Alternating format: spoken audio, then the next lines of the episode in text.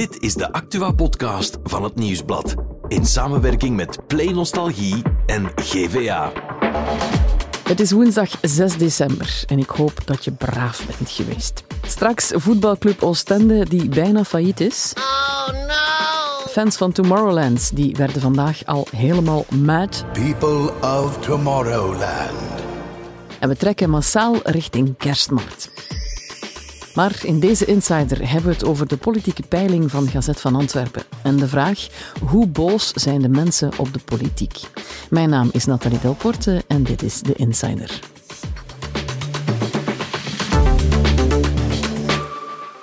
Onze collega's van GVA, Gazet van Antwerpen, hebben bij duizend Vlamingen en nog eens duizend Antwerpenaren gepeild naar hoe ze zouden stemmen als het niet op 9 juni volgend jaar, maar nu federale verkiezingen zouden zijn. De resultaten van die peiling die zijn er en wij peilen graag naar wat dat kan geven. Dat doen we bij GVA-hoofdredacteur Chris van Marcenille. Dag Chris. Dag Nathalie. En reporter Marnix in Panis. Dag Marnix. Dag Nathalie. En straks uh, wil ik ook peilen naar hoe de mens zich voelt bij de politiek en het hele politieke circus, als ik het zo mag zeggen. Maar eerst even naar die peiling zelf. Hoe hebben jullie die precies georganiseerd? Ja, wij wilden een peiling houden over het effect van uh, de drama rond Conner op de Partij Vooruit. We vonden dat dan uiteindelijk toch interessanter om dat uit te breiden. En we hebben een hele politieke peiling gehouden met een hoop vragen over de gevoelens van mensen over politiek. Ja. En dat is dit geworden. En wat is het geworden? Wat zijn zo de meest opvallende resultaten van de peiling? Ja, afgetekend op één staat uh, Vlaams Belang met 27,5 procent. Ze scoren nog nooit zo hoog in een peiling, dus ik uh, denk dat uh, voorzitter Tom van Grieken de champagne al wel heeft koud gezet hm. voor 9 juni. NVA strandt op een tweede plaats op, op 20% 21% Die blijven een beetje ter plaatse trappelen. Een klein verlies tegenover 2019 nog altijd. Ja, en de reden van onze peiling, van hè, wat is er bij Vooruit gebeurd? Mm. Vooruit heeft ten opzichte van vorige peilingen wel een tik gehad. Hè. Ze hebben ooit in peilingen 17% gehaald, nu is dat 13%. Dus toch het Conner-effect dan? Toch wel een Conner-effect, maar ze zitten wel nog altijd 3% boven het resultaat van uh, de vorige verkiezing. Mm. Dus er lijkt mij nog wel een basis om op voor te vallen. Ja, ja, absoluut. Dus Conner is niet de grote verliezer. Wie is dat dan wel? Dat is Open VLD en zeker in Antwerpen. Dus in Antwerpen zou Open VLD de kiesdrempel zelfs niet halen. En dat is ja, wel sowieso dramatisch voor die partij. En mhm. zeker omdat er drie grote kopstukken in Antwerpen opkomen. Dat is mhm. Bart Somers uh, van Tichelt, de nieuwe minister. En hun nieuwe voorzitter ook, Tom Ongena. En dan zou het zomaar kunnen dat die alle drie niet verkozen zijn. Wat interessant is, jullie hebben niet enkel gepeild naar het stemgedrag, maar ook naar de emoties bij de mensen over politiek. Hoe boos zijn ze op politici? Eh, is er nog vertrouwen? Wat kwam eruit uit die peiling? De mensen zijn echt boos op de politiek. Ehm, bijna 60% van de mensen zegt uh, wij zijn boos op de politiek. En 57% van de ondervraagden zegt ik vertrouw geen enkele politicus. Oei, dat is niet goed hè? Nee, dat wijst echt wel op een, op een diep wantrouwen en een grote teleurstelling. Uh, die overal uh, in doorkomt. Het is ook, heel veel mensen zijn ervan overtuigd dat het vroeger beter was. Ja? Als is dat wij, niet altijd zo? Ja, als wij vragen, worden wij goed bestuurd, dan uh, zegt maar 20% ja. Als we zeggen, is het slechter geworden, dan zegt 80% ja. Dus er is echt wel een vertrouwensbreuk mm. en we zijn niet tevreden over onze politici, dat is duidelijk. Ja, dat cijfer komt natuurlijk ook na de afgelopen maanden, waarin we heel veel schandalen hebben gezien uh, rond de politiek, hm. uh, waarin uh, politici niet altijd de beste kant van zichzelf hebben laten zien.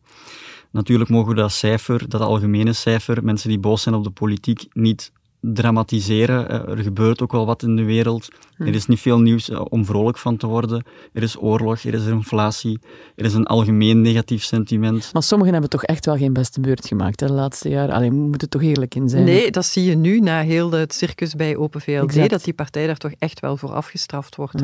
En misschien is dat ook wel de reden, enfin, dat zegt Sami Medi toch zelf, de reden waarom CD&V niet, niet mede dieperik ingaat, hm. dat er bij die partij niet te veel uh, ruzies zijn geweest en dat iedereen daar zijn ding heeft en gedaan. gekke feestjes. Ja, ook Ja, niet. ja. Ja. En Chris, je sprak net over, over het wantrouwen, hè, van het was vroeger allemaal beter, maar dat, dat, ik zeg het, elke generatie zegt dat toch. Is het, is het effectief nu erger dan pakweg twintig jaar geleden? Ja, wie zal het zeggen? Wij kloegen toen ook eh, vaak over de politiek. Hè? Eh, er wordt dan altijd verwezen naar de tijd van de Hanen, die een duidelijk Exact. programma had en dat doorvoerde en, en tegen de wil van de kiezer durfde ingaan. Ik denk dat daar toch wel een beetje een verschil zit. Hè? We Mhm. hadden toen zo een regeringspartij als CD&V, toen nog CVP, die eh, een grote meerderheid had en die gemakkelijker maatregelen durfde nemen, die Mhm. ook al eens de kiezer tegen de haren streken. Terwijl nu eigenlijk alle partijen ja, heel erg bezig zijn met zichzelf Ja. en met hun verlies. Ze zijn allemaal relatief klein, dus ze moeten allemaal de kiezer bij zich houden. Dus dat zal zeker invloed hebben op de politiek en dat zal ook veel mensen ergeren, denk ik. Ja. Ja, en misschien, want je zegt nu de hanen, verwachten mensen ook gewoon veel meer van de politiek. Ja. hè. Ik sprak net over corona, inflatie. Dan kijken mensen heel snel van, wat kan de politiek voor mij doen? Ehm, politici halen dat ook zelf vaak aan. hè. Er wordt een verwachtingspatroon gecreëerd van ons dat wij niet kunnen eh, waarmaken. Eh, dus dat speelt zeker ook mee Ja. in die perceptie. Want wij gaan het wel niet zelf doen, hè? Nee, dat is ook een vraag en dat vind ik wel heel interessant. We hebben gevraagd, zou u zelf op een lijst willen staan? En dan zegt eh eh 80% nee, nee, nee, ik ga dat niet doen. Maar eh, meer dan 70% van de mensen is wel blij dat er mensen zijn die aan politiek willen doen. Ja. Dus zolang anderen het doen, vinden we het helemaal oké. Eh, maar ik denk ook wel dat, dat, dat we beseffen dat we die politici nodig hebben. Mhm. En dat is, vind ik, ja, toch wel positief als je naar iets positiefs zoekt. Mhm. Dat we beseffen van oké, wij, wij moeten mensen verkiezen en die moeten het voor ons opnemen. Dat is het systeem. Eh, daar geloven we nog wel in. Maar de mensen die we dan verkiezen, ja, die stellen ons teleur. Ja, en het alleen maar klagen gaan we er inderdaad niet komen. Zijn er ook eh, mensen, als je dan die bevraging verder uitdiept, die, die met alternatieve ideeën komen? Daar hebben we niet echt naar gevraagd, hè? Of, of ze zelf. eh, Nee, we hebben wel aan mensen willen. gevraagd eh, wat zij dan als belangrijkste thema's naar voren schuiven. En daar blijken dan eh, migratie en koopkracht eh, op één te staan. Dat is dan wat de mensen bezighoudt. En als het over migratie gaat, gaat het dan over minder migratie. Eh 12,7 procent, dacht ik, van de ondervraagden, dat dat thema migratie op één eh, en is daarmee het populairste eh, thema de komende verkiezingen in onze peiling. En het verklaart ook een beetje ja, de kiesintenties die we nu zien. Ja, die vraag naar thema's verklaart ook waarom Groen het niet goed doet. Hè. Klimaat komt niet eens in de top 10. In de top 10 niet. Wow. Dus dat, ja, dat verklaart waarom Groen het ook heel moeilijk heeft, natuurlijk. Ehm, en hoe zit het met de media? Komt precies ook niet zo goed uit de bevraging? Nee, me- mensen volgen eh, het wel. Hè. Ehm, online krant, eh, sociale media, 20% volgt dat dagelijks. Ehm, ook 60% van onze ondervraagden zegt dagelijks naar het journaal te kijken. Eh, dus, dus ze volgen het wel. Er is wel eh, weinig vertrouwen in politieke verslaggeving. 40% van de ondervraagden zegt politiek journalisten te vertrouwen in wat ze zeggen. Dat is niet veel. Ehm, maar misschien speelt ook daar wat dat algemene sentiment. Politiek journalisten hebben de afgelopen tijd veel geschreven over alle schandalen.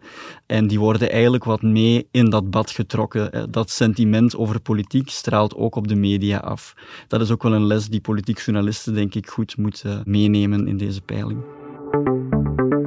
Uit de peiling blijkt dat het vooral de iets oudere stemmers zijn, mag ik zeggen 50 plus, die bang en wantrouwig is en het vertrouwen in onze politiek heeft verloren. Maar hoe zit het met de jongeren, de 18-jarigen, die dus voor het eerst mogen gaan stemmen straks? Zien die het, Chris, ook zo somber in of is er nog hoop? Nee, ik vind niet dat die het zo somber inzien. Ik heb gesproken met de mensen van Kiezen, met een Z van achter. En Ja. dat zijn eh, studenten aan de AP Hogeschool in Antwerpen. Dit is eigenlijk een platform op Instagram en op TikTok, waar dat wij eigenlijk voor jongeren politiek een beetje toegankelijker willen maken. Dus wij plaatsen leuke content, maar ook serieuze content over politieke partijen, wat er zo aan gebeurt in de politiek, zodat jongeren eigenlijk beter kunnen volgen en ook voor de verkiezingen hun mening eigenlijk kunnen vormen. Zij zeggen ook dat ze eigenlijk wel best veel over politiek praten. Een van hen zei, ja, onze Giro-vergaderingen beginnen heel vaak met iets over politiek, Echt? met over Connor te praten of over, eh, over het proces Sandadia of over dingen die ons aanspreken. Zij vertellen ook wel dat partijen als het Vlaams Belang en ehm PvdA, dat die veel meer op jongeren inzetten dan Ja. andere partijen. Ook Dus- via social media en zo. social media. En eh, Tom van Grieken geeft geregeld eens een vat in een of ander café en nodigt dan jongeren uit, waar ze dan, zij zeggen, ja, onze vrienden gaan dan vaak zo, kom, we gaan een pintje drinken. Ondertussen hebben ze natuurlijk wel Van Grieken ontmoet.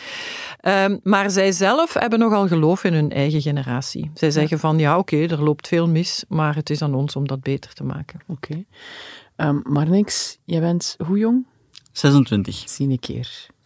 Klopt dat, wat, wat Chris zegt? Kan je daarin vinden? Ja, je merkt toch wel dat politiek eh, op een andere manier binnenkomt bij de jongere generatie. Ik heb zelf een zus die nog jonger is dan ik. Nog jonger. Ja, die is 20 jaar en die zei onlangs na alle heisa, ik ga niet meer op de Conner eh, stemmen. De Conner. Dus dat zegt toch al iets over hoe dat politici zich aan die generatie proberen te presenteren. Hetzelfde geldt voor Jos Dazen, hetzelfde voor Tom van Grieken. Die kennen ze van sociale media. Ehm, wat het niet wil zeggen dat ze niet met inhoud bezig zijn. Ja. Nee, dat is zeker niet. Ik heb dat ook gemerkt, dat ze eigenlijk wel eh, heel veel thema's hebben waar ze over praten. Dus ik heb bijvoorbeeld gevraagd, het migratiethema, speelt dat ook zoveel bij jonge mensen? En zij zeggen, ja, die, die migratieproblematiek, eh, daar zijn wij misschien minder mee bezig, omdat wij ook diversiteit Ja. heel normaal vinden Mhm. in onze wereld. Wat niet wil zeggen dat er geen racisme of seksisme is, dat zij ook nog wel merken dat eh, jongeren met een kleur of zo het veel moeilijker hebben dan zijzelf. Dus ik vond dat, een, eh, ik vond dat eigenlijk wel heel eh, tof, de manier waarop ze daarover spraken. En ik vond ook dat ze dat heel degelijk deden. En Ja. ik vond vooral het vertrouwen in hun eigen generatie fijn. Ik weet niet of jij dat ook hebt. Heb je vertrouwen in jouw generatie, Marnie? Ehm, ja, ik, ik zal dan eh, misschien voor mezelf spreken. Ik al sinds wel. Ik denk dat dat eh, vertrouwen zeker wel gedeeld wordt eh, door, door heel wat mensen, waaronder ook de jongeren van Kies. Ehm, het is niet alleen voor jongeren een probleem, hè, dat we het allemaal niet meer snappen hoe heel ja, die politieke besluitvorming gaat, hoe alles in elkaar zit, welke politicus echt het verschil maakt of onze ideeën kan waarmaken. Ja, begin er maar aan. Hè. Het is niet simpel. Ja, we hebben ook een hele hoofdstuk van de bevraging over de organisatie van onze democratie eigenlijk in dit land. En dan merk je wel aan de antwoorden die mensen geven dat ze het, ehm, het hele systeem wel moeilijk Ja. te begrijpen vinden. We hebben bijvoorbeeld gevraagd, vind je dat ministers verkozen moeten worden? Dan zegt de helft ja. Vragen we, vind je dat ministers vakministers moeten zijn, die niet per se verkozen moeten worden? Dan zegt ook de helft ja. Ehm, vragen wij van, is het democratisch bestel dat we nu kennen het, het beste? Dan zegt 60% ja. Dat is een meerderheid, maar dat is ook niet Dat is- zoveel. Nee. Dus je merkt dat mensen eh, z- gewoon niet meer goed begrijpen hoe het in elkaar zit. En vooral dat ze denken hè, dat er andere belangengroepen meer te zeggen hebben over de politiek dan politici. Ja, dit is ook zeker een belangrijke les voor ons, want in, in de media en wij journalisten, als wij een peiling onder onze neus krijgen, dan gaan wij graag puzzelen eh, met grafiekjes en kleurtjes en procenten en dan kijken wij hoe eh, het, het spel zal gespeeld worden. Heel veel eh, mensen, ook jongeren, weten niet, ja, wat is dat precies een meerderheid, wat wil dat zeggen? Eh, hoe wordt een regering gevormd? Dus het is belangrijk ook om inderdaad dat mee te nemen eh, in onze bij de basis te berichtgeving. beginnen, Zeker en vast. Ja. ja. Nu, wat ik ook heel veel hoor, eh, tot slot, in aanloop naar de verkiezingen, mensen die gewoon niet weten op wie te stemmen. Wat, wat zou je hen aanraden? Ik ga geen stemadvies geven. maar ik zou wel aanraden om, om het debat te voeren. Om je toch zo goed mogelijk te informeren. En om eh, niet te snel achter mensen aan te lopen die een heel eenvoudige oplossing hebben. Want die is er volgens mij niet. Ja, vooral informe- Zo geven ze het ook als advies op kies trouwens Ja. aan jongeren. Van informeer jezelf en luister niet per se naar de mening van een ander of van een journalist. Ja. Sorry. Dankjewel Chris, dankjewel Marnix. Graag gedaan. Graag gedaan. En voor het andere nieuws is Bert erbij komen zitten. Hey Bert. Dag Nathalie. Miserie, miserie. Voetbalclub Oostende is bijna failliet. Ja. Eh, Bert, was er aan de hand? Ja, uh, vanavond speelt Oostende tegen KRC Genk in de beker. Ja. Um, maar het zou wel eens een van de laatste wapenfeiten kunnen worden. Oei. Want ja, die club die is echt, uh, die zit echt dik in de miserie. Als er voor nieuwjaar geen overname komt, dan is eigenlijk het faillissement blijkbaar onafwendbaar. Maar KV Oostende, nog niet zo lang geleden was Mark Koeken daar toch baas en dat ging toch goed? Ja, ja, ja, met Mark Koeken ging het inderdaad goed. Uh, dan uh, volgden de successen elkaar op eigenlijk Ah. voor het kleine Oostende.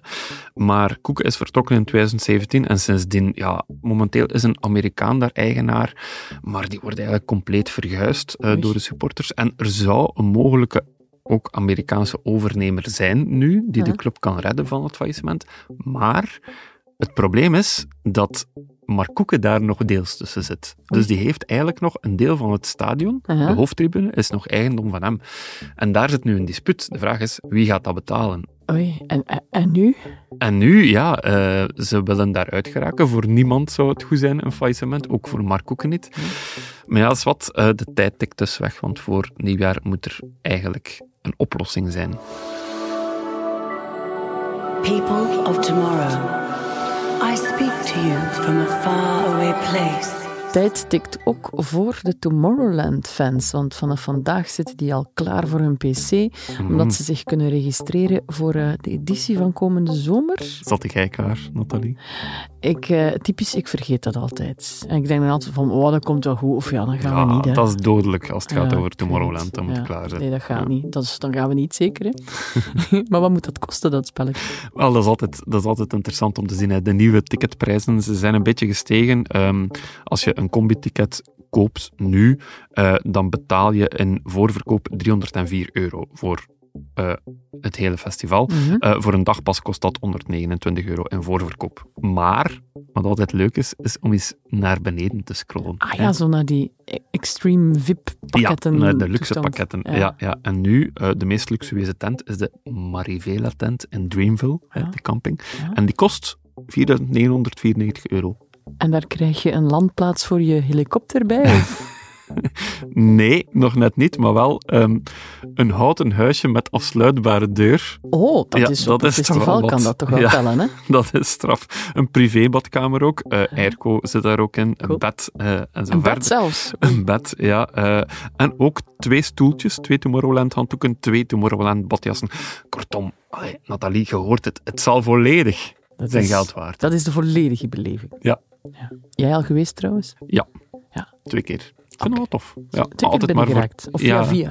Nee, nee, nee, twee keer binnengeraakt, uh, maar wel maar voor één dag. En Ja. zo, dan heb ik het wel gehad met de beats. Ja, same. En het was 40 graden bij ons. Ook bijzonder. Oeh. Heel tof. Mhm. Ja. Nee, we zijn sowieso fan van Tomorrowland. En dan is er nog ons lichtpuntje, want richting kerst doen we dat elke dag om af te sluiten hier bij de Insider.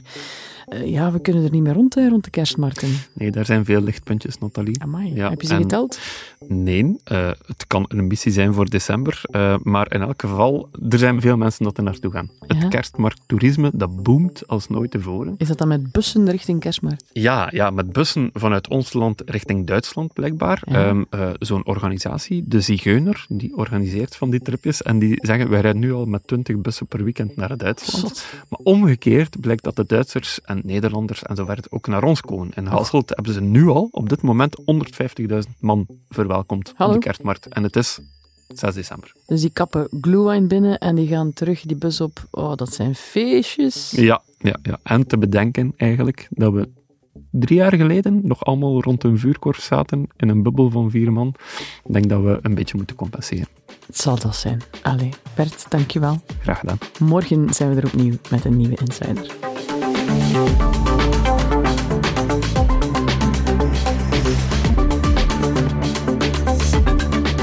Dit was The Insider, een podcast van het Nieuwsblad in samenwerking met Play Nostalgie en GVA. De muziek is van Pieter Santens. De montage gebeurde door House of Media. Wil je reageren? Mail naar podcast.nieuwsblad.be.